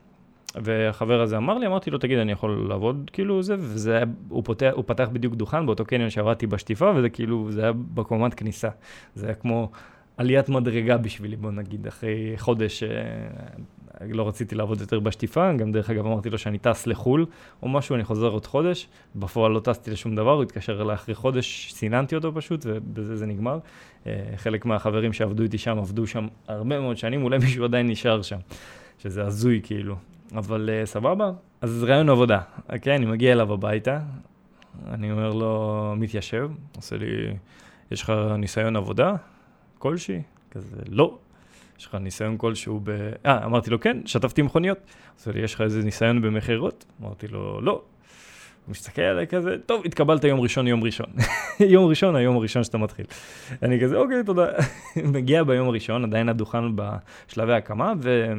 אה, המשפחה שלו זה כאילו, הוא הבעל העסק, ואשתו, אימא של חבר שלי, הייתה מנהלת את החשבונות, אולי עד עכשיו, אה, לא, לא דיברתי איתם הרבה זמן. והיא הייתה גם בזה, וגם הוא, אז שניהם היו, ואני הייתי שם גם כעובד, נראה לי הייתי עובד היחידי, אולי גם הבן שלו עבד איתנו אז גם באותה תקופה, באותו יום. אבל אני זוכר שהיה איזשהו כיסוי אה, ב-100 שקל של אור נחש, שבאותו זמן לא ידעתי כמה הוא עולה, אבל הוא עלה כמה שקלים מן הסתם, ובא איזה לקוחה, והיא עושה לי, אני מחפש את הפלאפון שלי, ואני כזה ישר כזה, בטח, מה, הנה, תראי, תראי איזה יופי, זה מגן עלה מקדימה, זה זה, וזה נראה יפה, מגן על המסך, עושה, יאללה, כמה עולה, אני עושה לו 99 שקל רק, עושה, וואי, איזה יופי, מחיר טוב, בבקשה, אני טה-טה-טה, היא קונה וזה, ואני כזה כזה אדיש לזה. והיא עושה לי, אנטולי, היא לא מאמינה, מכרת לה עכשיו זה, אני עושה לו, כן, והם היו מבסוטים עליי, אחו שרמוטה, הייתי, הייתי תותח, הייתי, הייתי תותח, עשיתי להם הרבה כסף, אה, לדעתי, רק אה, מעצמי, כי כמו שאתם מבינים, אתה קונה בכמה שקלים, מוכר בכמה מאות. אה, כן היו לי בעיות עם דברים מסוימים, נגיד היו כל מיני פלאפונים שהיה לנו אינסנטיב לדחוף אותם, כאילו היית מקבל עמלות על זה שאתה מוכר אותם, ויש לך פתאום, אני לא, לא, לא אשכח אותו עד היום, גלקסי ג'יו, אוקיי? סמסונג ישן מאפן כזה ב-450 שקל. עכשיו המחיר שלו באמת הוא עכשיו כבר באיזה 150-200, אבל הוא קנה אותו ביותר יקר, הוא לא רוצה להפסיד עליו, אז מה הוא היה עושה? תמכור אותו ב-450, תקבל 50 שקל טיפ. לא היה לי לב לעשות את הדברים האלה, למיטב זיכרוני, אולי הוא שומע את זה ואומר, אנטולי, יש לי עכשיו את כל הדברים שמכרת, יא מניאק, ואתה מכרת את זה כמו גדול. אבל נראה לי שלא, נראה, נראה לי שלא. מה שכן, גם אני זוכר טוב שכל פעם שהייתי מוכר מדבקה אה, לפלאפון, להדביק למישהו, זה היה עולה 30 שקל פלוס הדבקה, לא יודע, 10 שקלים או משהו כזה, או 20 שקל, 29 והדבקה 10 שקלים. אז הייתי מקבל 3 שקל פר מדבקה כזאת, והייתי יכול להדביק לך 100, 100 מדבקות כאלה, כאילו, ב, לא יודע, 100, אבל כמה עשרות מדבקות כאלה במשמרת. והייתי מקבל משכורות מכל העמלות הרבה יותר גבוהות, בוא נגיד, מהרבה אנשים שמגיעים עכשיו לעבוד בעבודות כאלה. אה, כי הייתי מוכר הרבה, וגם כי הוא באמת היה מפנק עם עמלות, הוא היה משלם לנו 5% מכל המכירות שלנו באופן כללי, ופלאפונים זה היה כזה 10 שקל, 20 שקל כל פלאפון, אז זה היה כזה אינסנטיב להעיף, אתה יודע, אייפונים, ואם זה היה מחיר טוב, אנשים היו באים וקונים אייפונים, זה לא היה עכשיו דבר מאוד קשה למכירה. אה, מה שכן, העבודה מאוד פגעה לי בתפקוד שלי בבית ספר, מן הסתם, כי הייתי מגיע בשלוש הביתה, שלוש וחצי, וישר למשמרת שמתחילה בארבע, מקסימום בחמש, עד עשר, מגיע, מגיע הביתה, לא, לא בא לי לעשות יותר מדי דברים שהם לא לשחק במשחקים וכאלה, לא משאיר לי יותר מדי זמן לשיעורי בית, לא משאיר לי יותר מדי זמן לדברים, אבל היה לי הרבה כסף בכיס. אה, החשבון בנק שלי תמיד היה נראה טוב, תמיד היו, המסגרת אשראי שלי הייתה סופר גבוהה, זה היה סבבה, כאילו, תחשבו שאני בגיל 16 כזה, אולי סוף 15, ואני כאילו עובד בעבודה שאנשים אחרי צבא מגישים קורות חיים בשביל להתקבל, ואני כולי ילד בבית ספר, אה, אבל אף אחד מהם לא הרגיש שאני כאילו לא, לא נמצא במקום, בוא נגיד ככה, וגם כאילו העובדים עצמם, גם אנשים מחנויות ליד. Uh, עכשיו, במקום שהיה את הדוכן, יש דוכן מיצים בקניון, זה ממש ליד ג'נטלמן בקניון רחובות, מי שרוצה לראות איפה זה, איפה זה קרה. הרבה שנים שעבדתי שם, תוך כדי שהייתי עובד שם, אני גם התחלתי לעבוד על סוג של uh, תוכנית שותפים. Uh, היה אתר, סקינדו הוא נקרא, הוא נראה לי עדיין קיים. Uh, אני רוצה להגיד שהבעלים של האתר היה תומר, אבל אני לא בטוח. יכול להיות שאני מתבלבל עם הבוס שלי ב... בשדה תעופה.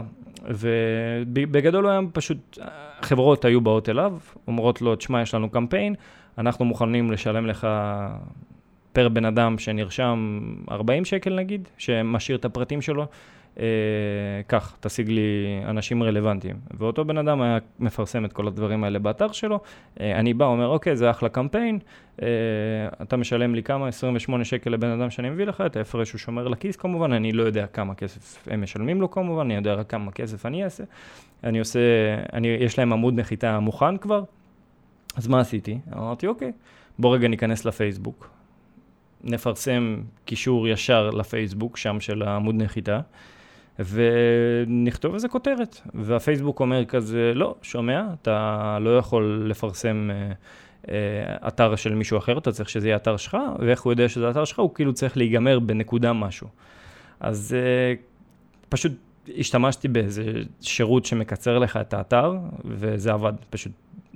אנשים היו לוחצים ועוברים מהקישור ההוא לקישור האמיתי. זאת אומרת, לא הייתי צריך אפילו ליצור שום דבר, זה היה עמוד נחיתה מוכן. הייתי פשוט צריך להתחיל לעשות קמפיין, אה, מה זה קמפיין? זה כאילו פשוט להגיד, היי פייסבוק, אני מעוניין עכשיו להוציא 100 דולר ביום, תראה לאנשים מגיל נגיד 45 ומעלה את הפרסומת שלי, וככה תראה הפרסומת. זה הכותרת, זה ההסבר, זה התמונה, זה האתר, זה, זה, זה קמפיין, לא, באותה תקופה, כן? זה היה מאוד פשוט, זה היה מאוד זול, לא הרבה אנשים היו עושים את זה. ואמרתי, יאללה, בוא ננסה. והיה לי מזל, היה לי מזל של מתחילים נראה לי, ובחרתי קמפיין לאי תפקוד מיני. ואמרתי, טוב, בואו נבחר אנשים בני 45 פלוס, נכתוב שקצת קופי, לא עומד לך, וכאלה מיני כאלה, או יש בעיות במיטה, לא זוכר כבר מה כתבתי. אה, ואנשים התחילו ללחוץ, אנשים התחילו להשאיר פרטים, הייתי דופק לך רפרשים, והייתי רואה, בום, עוד 28 שקל, עוד 28 שקל, הייתי מגיע 500, 600, 700 שקל ביום. אמרתי, oh my god, אחלה כסף, סבבה, אני לא יודע איך להוציא את הכסף עד עכשיו, אני לא יודע שום דבר, כל זה בתוך ה dashboard של האתר. אני אומר, חזק, מגניב, מצוין. אה, בוא נמשיך עם זה, בוא נמשיך עם זה הלאה. עכשיו, אני לא זוכר בדיוק את הכרונולוגיה של הזמן, כי אני זוכר שהייתי, שניסיתי להוציא את הכסף הזה כבר, שהייתי בתהליך של uh, יציאה מהצבא, שזה היה כזה גיל 19-20, אבל אני זוכר שהתחלתי עם זה הרבה יותר מוקדם. אז אני חושב שמה שקרה זה שהבנתי שבשביל להוציא את הכסף הזה, אני צריך לשלם מלא מלא מלא עמלות, כי אין לי עסק, ואני ילד, כאילו, ולהקים בשבילי עסק עכשיו זה לא כמו, ואבא שלי כמובן לא, לא רצה לעזור לי עם זה או משהו כזה, או לא חשבתי בכלל לבקש עזרה, כאילו, באותו רגע. אה, ומה שקרה זה שהבנתי שקודם כל הקמפיין הספציפי הזה הכניס לי אחלה כסף, אבל אה, נראה לי שפשוט באתי, כבר, כבר הפרסומת רצה לכל האנשים הרלוונטיים, ובמקום לנסות למכור לעוד אנשים כאילו בגיל הזה שם, אני אמרתי, אוקיי, בוא נתחיל קמפיין הבא. נגיד, זה קמפיין, קמפיין הסרת שיער בלייזר, זה קמפיין תיקון הראייה שלך בלייזר, זה קמפיין ללמוד אנגלית. והשתמשתי פחות או יותר באותה שיטה, והיו מכירות פה שם, היו כאילו אנשים שהשאירו פרטים, אבל ממש לא, לא קרוב לרמה שהייתה קודם. עכשיו בדיעבד, אם נסתכל על זה מאחור, כמובן שמה שהייתי צריך לעשות זה להתחיל לבנות עמודי נחיתה, להתחיל למכור יותר לאותם אנשים על המוצר, לגרום להם להשאיר את הפרטים שלהם בצורה יותר מעניינת. הייתה לי מחשבה אפילו לצאת uh, לכל מיני דברים, פשוט לשלם כסף לאנשים שיצאו, יעמדו עם... Uh, מחברות ברחוב, ולהגיד, היי, אתה מעוניין להפסיק לעשן, וטה-טה-טה, אם כן, או נגיד להגיד להם, קחו סיגריה מתנה, אה, תעצרו רגע, אה, אתם חשבתם להפסיק לעשן, אתם רוצים אלן קר, רק יחזרו עליכם כמה פרטים, מה אכפת לך, הוא משלם לי איזה 30 שקל. עכשיו, בתיאוריה זה רעיון בן זונה, כן? ואם הייתי עושה את זה, הייתי במקום אחר לגמרי בחיים, אבל היה חסר לי משהו בשביל לעשות את זה. היה חסר לי אומץ, היה חסר לי גיל, היה חסר לי גם, לא היה לי, באמת לא רציתי, הייתי יכול לעשות את זה גם בעצמי, ואז להביא עובד, אבל רק דיברתי עם איזה מישהי, עם כמה, כמה ידידות, אם בא להם לנסות, להתחיל, ואני כאילו אמרתי להם כמה הם יכולות להרוויח, והם נדלקו, וזה, אבל איכשהו זה לא התקדם לשום מקום. אה, קלטתי שאני צריך לשלם מלא כסף על מיסים, בגלל שהייתי צריך להשתמש בשירות שבעצם עצמאי שכיר, והם לקחו כמות מאוד גדולה ויותר מ-50% מהכסף. ואני זוכר שהכסף הזה לא עניין אותי יותר מדי אז, כי הייתי מרוויח אחלה כסף מהקניון. אבל כשהייתי כבר בתקופה של הצבא, אז הכסף היה יותר לחוץ לי, כי גם הייתי צריך לשלם לעורך דין שיעזור לי, שבסוף כיסוסימה שלו לקח ממני כסף ולא עזר לי בכלל. אה, הייתי צריך לשלם למחיה, והבית ספר שהיה בתשלום, זה היה כמה אלפי שקלים בשנה, אם לא יותר, שילמתי עליו בעצמי בשנים האחרונות של הבית ספר, בי"א, י"ב, כבר כי היה לי אחלה כסף, כאילו. קיצר, הייתי צריך כסף, והוצא, ואני זוכר שכאילו, כדי להוציא אותו, אני ממש הייתי, הייתי בהלם בכמה באמת כסף חתכו לי בסופו של דבר, כי חשבתי שזה לא משתלם, והתברר לי שזה ממש לא משתלם. בוא נגיד שההתנהלות שלי הייתה מנקודת הנחה שיש לי הרבה יותר כסף. ותכלס, כן היה אמור להיות לי יותר, כי ההוצאות לא הוחשבו פה, כי הוצאתי הרבה כסף על ההוצאות, אבל שילמתי כאילו, על הכל יעני זה רווח, וזה לא הכל היה רווח, הוצאתי מלא כסף על פרסומות, אבל אמרתי, יאללה, זדיין, תביא לי את הכסף שהרווחתי, ושחרר אותי, אני לא רוצה להתעסק בזה יותר. ואז נכנסתי, ואז התאהבתי, אתם יודעים במה? בפיפא. אה, פיפא שינה את הכל, פיפא וכדורגל שינה את הכל. התחלתי את הערוץ בגיל 17 כזה, אני הפסקתי להתמקד במחשבים, לא הייתי בטוח אה, מה אני רוצה לעשות, אבל אמרתי, אוקיי, אני כל כך נהנה לשחק במשחק המזדיין הזה מהבוקר עד הלילה, אין מצב שאני לא עושה ממנו כסף. אז כמובן ההשערה שלי הייתה KSI, עם התוכן שהוא היה עושה. בארץ לא היה לנו דברים כאלה בכלל, לא קרוב בכלל. הזמנתי את האלגטו הראשון, שיש לי אותו עד עכשיו, אולי אני אעשה ממנו NFT בעתיד ואמכור, אם מישהו ירצה אה, לקנות.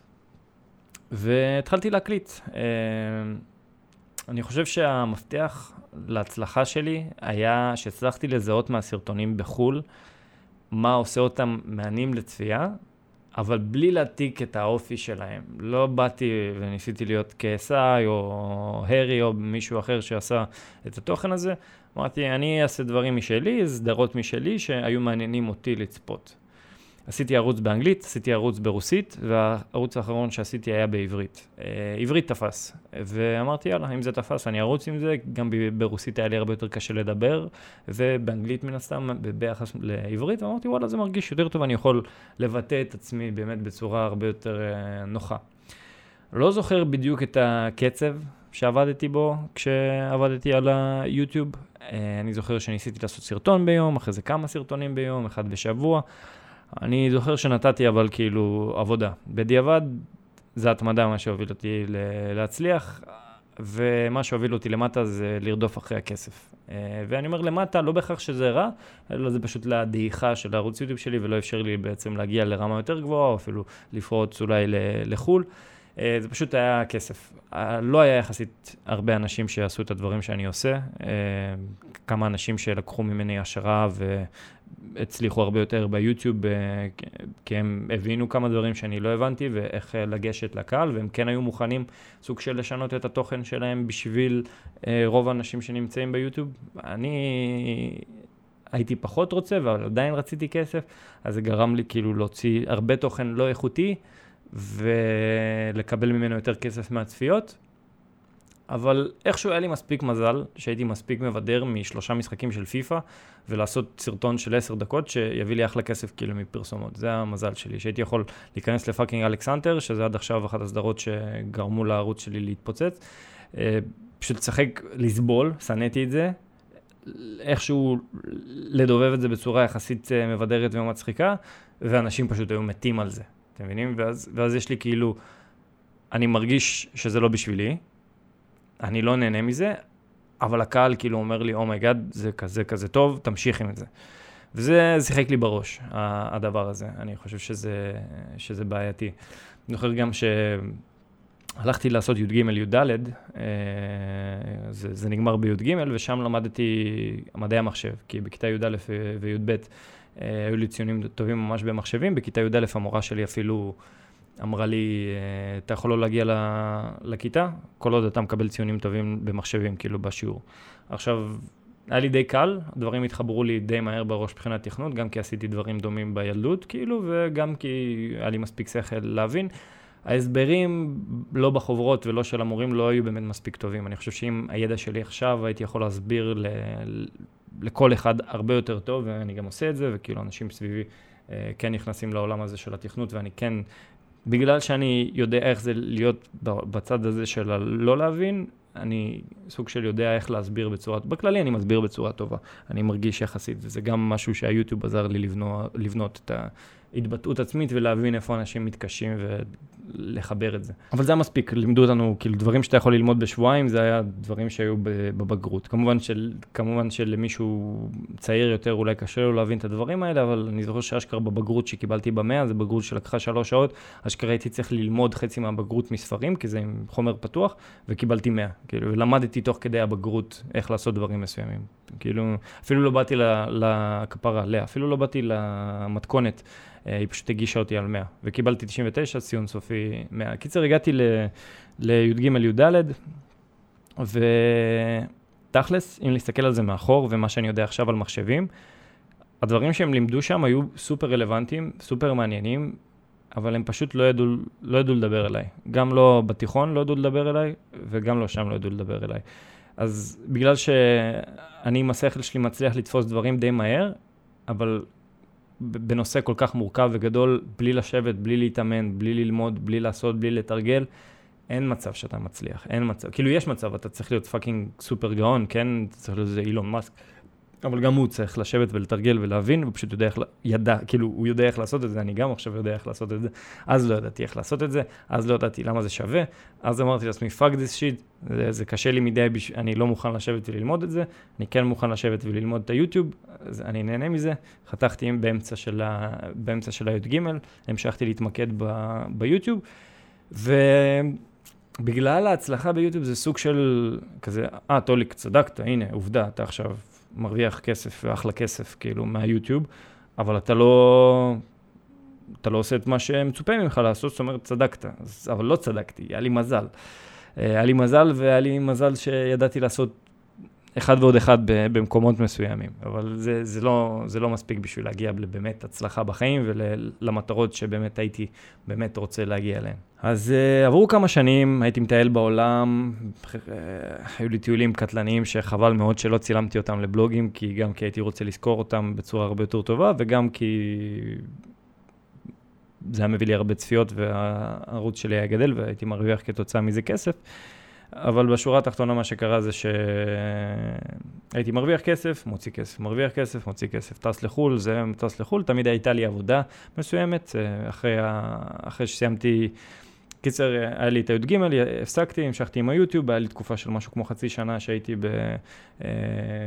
בענייני יציאה מהצבא, בוא נגיד את זה, על, ככה יש עדיין סרטונים שלי מאותה תקופה שאתם יכולים לראות, שאני מדבר על איך היה בכלא ודברים, אני עכשיו פחות זוכר את זה. הייתי ארבע פעמים בכלא, בטוטל משהו כמו חמישים ומשהו יום, עד ששחררו אותי, וזה יכול להיות גם עם אפס ימים בכלא בבקו"ם, מי שמעניין אותו הסיפור הזה, אין לי בעיה לספר אותו פעם אחרת. אה, נכון לעכשיו, אבל אני לא, לא, לא, לא יודע אם זו הייתה החלטה נכונה לא לעשות צבא, לא בגלל שזה יפגע לי איכשהו בדברים שאני רוצה לעשות בחיים, אלא בגלל שלהסתכל על הצבא כרק איך זה יכול לעזור לי, זה משהו לא נכון, לדעתי, אוקיי? אז... Uh, ז, זו הייתה המחשבה שלי אז, כשהייתי ילד בן 18, 19, הצבא יכול להזיק לי יותר מאשר להועיל לרוב הסיכאים, כאילו במקרה הטוב אני מבזבז את הזמן שלי, במקרה הרע אני פוגע בבריאות שלי, אה, לא מעוניין. זו הייתה המחשבה שלי אז, עכשיו המחשבה שלי טיפה, טיפה הרבה השתנתה בכללי בהרבה נושאים בחיים, בין היתר ל, אה, לזה. אבל יצאתי מהצבא, אחרי הצבא אמרתי לעצמי, הרבה מהחברים שלי כבר התחילו להתנסות, בוא נגיד, ב... אה, דברים טובים שמעשנים. אני אמרתי שאני לא נוגע בדברים האלה עד שאני מסיים עם הצבא, סיימתי עם הצבא, ובגלל זה, בוא נגיד התקופה מאז שסיימתי אה, עם הצבא עד התקופה שטסתי למוסקבה, שזה קרה משהו כמו בשלוש שנים, אני לא זוכר מה קרה באמת קודם, כנראה בגלל הכמויות המטורפות שהיינו מעשנים, היינו ילדים מטומטמים. כאילו, זה לא עשה לנו רע עובדה. כאילו, כולנו בסדר, כולנו, אה, אני לא עם תואר, אבל החבר'ה עם תארים, משכורות, עניינים, אה, רובם עדיין, כאילו, מעשנים יותר ממה שהם צריכים לעשן לדעתי. אני, היה לי תקופה, וגם על זה, אם אתם רוצים, אני אקליט פודקאסט בנפרד, על היחס שלי ואיך אני חושב שצריך להתייחס לזה, באופן אישי מהניסיון שלי, אם זה כמובן פה משהו נכון או לא נכון.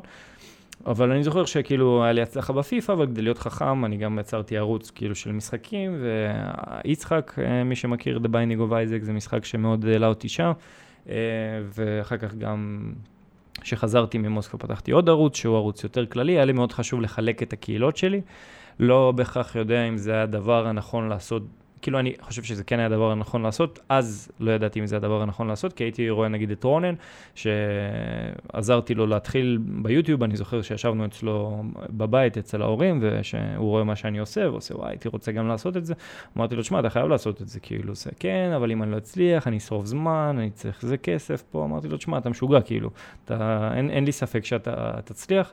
ורונן עבד קשה, רונן עבד fucking מאוד מאוד מאוד קשה, ואני זוכר את התקופות שהיו לו עשרות סרטונים, עשרות צופים, והייתי מעביר את הצופים שלי אליו אה, לטוויץ', והוא היה שולח לכולם הודעות בסטים, שהוא מתחיל שידור, והוא מחפש את הדברים שיביאו לו את הצפיות ואת הלייקים ואת הדברים, ובאמת הוא... נתן עבודה, גם אני נתתי עבודה, גם אני כאילו תמיד הייתי, הסתכלתי איפה אני צריך להיות, הייתי הפרטנר הראשון, אה, לדעתי, הישראלי דובר עברית בטוויץ', אה, שזה גם היה מגניב, וכשהבנתי שטוויץ' בהתחלה לא היה מספיק טוב, עברנו לפלטפורמה אחרת, להיטבוקס, שהבנתי, בוא נגיד, מה חשוב יותר לאנשים, וזו הסיבה גם שאנשים, הרבה אנשים צפו בי. אה, אבל אז לאט לאט השוק כמובן התרחב, נהיו יותר אנשים, אנשים התחילו יותר להתמקד במה מביא יותר אנשים, וקרה גם את האפוקליפס, אבל אני רץ קדימה טיפה. אז אה, מה שבאתי להגיד, שהסתכלתי על רונן וראיתי שיש לו ערוץ אחד, שהוא בעצם עושה בו מה שבא לו. הוא יכול ללכת לחו"ל, הוא יכול לאכול המבורגר, הוא יכול ללמד אותך להכין המבורגר, הוא יכול לשחק איתך במשחק, הוא יכול לשחק איתך בפיפ"א, הוא יכול לשחק במשחק אחר. כאילו, הקהל שלו היה פשוט עוקב אחרי כל דבר שהוא עושה, אבל בגלל שביוטיוב הקהל ברובו, בוא נגיד ככה, לא כולו כמובן, אבל ברובו, ובמיוחד הקהל שאתה רואה ושומע בתגובות ובצ'אט אה, שלך, הוא בדרך כלל ילדים. כי גם אני עכשיו מסתכל סטרים, רוב המקרים, אלא אם כן זה סטרים מאוד מאוד מאוד ספציפי על, לא יודע, איזה תכנות, או, או שיש לי שאלה, או על פוקר שאני מעודד וכאלה, אני לא באמת מתכתב. זה כאילו פתוח לי בצד, אני מקשיב ואני נהנה, אני לא באמת מתכתב. אבל ברגע שאתה סטרימר, ואתה רואה שיש לך, לא יודע, אפילו 100 צופים, 1,000 צופים, לא משנה, אבל אתה רואה שיש לך כאילו תגובות מילדים קטנים, כאילו בראש שלך באופן אוטומטי אתה חושב שעכשיו צופים באלף ילדים. עכשיו, יש סבירות שכן 500 מהם ילדים, יש יכול להיות שפחות, כן? יכול להיות שיותר. אבל בראש שלי היה, יש פה מלא ילדים, והילדים שאוהבים כדורגל, אני לא חושב שזה אותם ילדים שאוהבו גיימינג, ובטח ובטח ובטח ובטח זה לא אנשים שאני רוצה לדבר איתם על נושאים יותר מעניינים, פילוסופיה, אה, איך אני רואה את החיים, ו- וכל מה שאני עושה עכשיו, וכל מה שאני עושה בערוץ הכי קטן שלי, שזה כביכול הערוץ הראשי שלי. אז אה, זו הייתה החלטה טובה לחלק את הערוצים שלי לנושאים, אולי אפילו היה צריך לחלק אותם לנושאים עוד יותר קטנים, נגיד ערוץ שהוא רק ליצחק, ערוץ שהוא רק לניסיון במשחקים, ערוץ שהוא רק לפיפא אה, נגיד. אה, נכון לעכשיו זה ערוץ של כדורגל וספורט, שזה הערוץ הכי גדול שלי, ערוץ הפיפא בוא נגיד שהיה. ערוץ הגיימינג, שזה למשחקים, וערוץ כללי, ויש גם ערוץ קריפטו שהוא כרגע לא פעיל ולא העליתי אליו, העליתי סרטון אחד, שכחתי את הסיסמה אליו, ועשיתי עוד ערוץ, וכרגע לא העליתי אליו אה, שום דבר. אה, בקיצור, חכם לחלק לדעתי, אם, אני, אם אתם רוצים טיפ ליוטיוב, ת, תתמקדו כמה שיותר בנושא יותר ממוקד, ותמיד אפשר להתרחב אחר כך, או להעביר את הקהל שלכם ממקום למקום, זה יתרון מאוד מאוד מאוד, מאוד גדול. אה, אם אתם לא רוכבים על טרנדים. לא שזה רע, זה פשוט זה שיטות. הייתי עושה אחלה כסף. הגעתי ל... היה איזשהו קיץ, רציתי לטוס עם חברים שלי לקרים, לאיפה שנולדתי. אה, באותה תקופה זה כבר היה אחרי שרוסיה לקחו את השטח, לא, לא עניין אותי יותר מדי אז באותה תקופה, אמרתי רוסיה אז רוסיה, למי אכפת, מחירים זולים, המשפחה שלי שם, סבא וסבתא שלי, אפשר לטוס לשם, ליהנות, אה, ולקחתי איתי את ארתור, מי שמכיר אותו מהשידורים, ועוד חבר. ועל היום הראשון הכרנו שם שלוש בנות, אחת מהן זאת חברה שלי נכון לעכשיו, שאנחנו ביחד עוד מעט ארבע שנים, לא מאז. אני, בשבילי זה היה אהבה ממבט ראשון. אני זוכר שרשמתי אותה בפלאפון, משה אשתי, באותו יום. אה, לא ידעתי שהיה לה חבר אז, לא קרה בינינו שום דבר, היא לא, חשבתי שהיא לא הייתה בקטע שלי, אבל היא באמת לא הייתה בקטע שלי, היא סיפרה לי אחרי זה, אבל uh, היה לה חבר, ואני כזה, אה, בגלל החבר בטח לא יצא שום דבר ולא כלום. ואחרי זה אני, אני גם ויתרתי על Legends of Gaming בעונה הראשונה בשביל לעשות את זה, ואז גם על העונה השנייה ויתרתי בשביל לטוס uh, uh, בקיץ, מי שלא יודע, Legends of Gaming, לקחו מלא יוטיוברים, עשו להם אתגרים, והרבה מהאנשים שהשתתפו מאוד עלו במספרים שלהם ביוטיוב. אולי לטובה שלא עשיתי את זה, אני אולי אפילו עדיף שהמספרים שלי ביוטיוב היו יותר קטנים ממה שהם עכשיו, זה היה גורם לי לעשות חישוב מסלול מחדש לפני. חזרתי לארץ, המשכנו כזה לדבר, אה, שתי החברים שלי כן היה להם קטע עם שתי הבנות האחרות שהיו שם.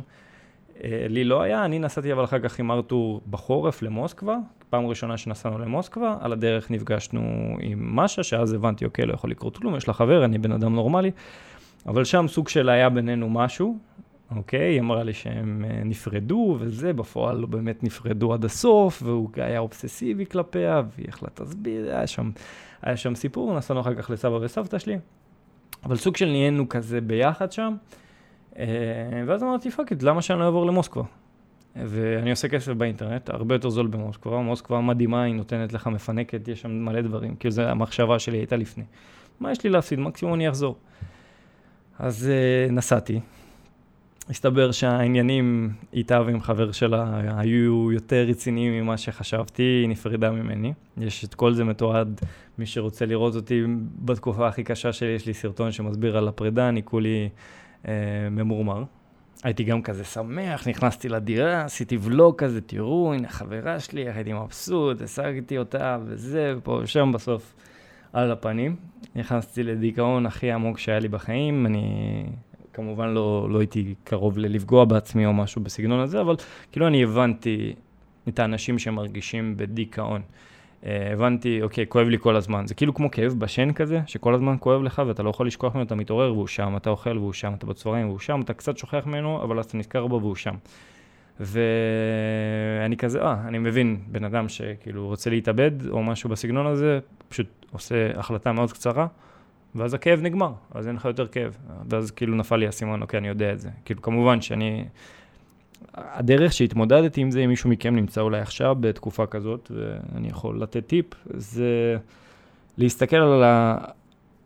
על העובדה שהדברים שלא קורים לכם פיזית, יכולים לגרום לכם באמת לכל מיני תחושות פיזיות. ופשוט לנתח את זה, להגיד, היום זה גרם לי להרגיש ככה, ומעניין שזה גורם ככה וככה, והיום חשבתי ככה, והיום חשבתי ככה, וזה גרם לי ככה. כאילו נגיד, חשבתי עליה היום, אבל אני לא צריך לחשוב עליה היום. וזה גרם לי לכאב.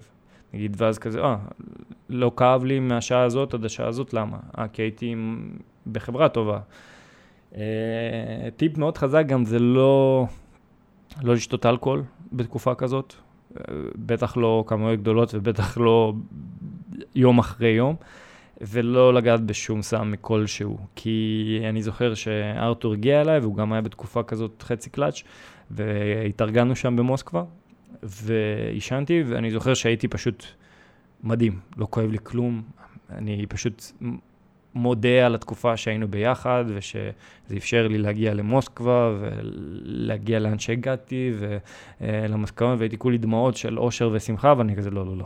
זה, זה יכול לפתות אותך לעשות את זה כל הזמן, אסור לעשות דברים כאלה. לא, כש, כשאתה לא, בוא נגיד שאתה לא סגור על עצמך נפשית, לא צריך לגעת בסמים, ואני מכליל בסמים אה, גם אה, אלכוהול, ובעיקר אלכוהול, כי הוא הרבה יותר מסוכן מרוב הסמים שאומרים לנו שהם מסוכנים לדעתי בלבד.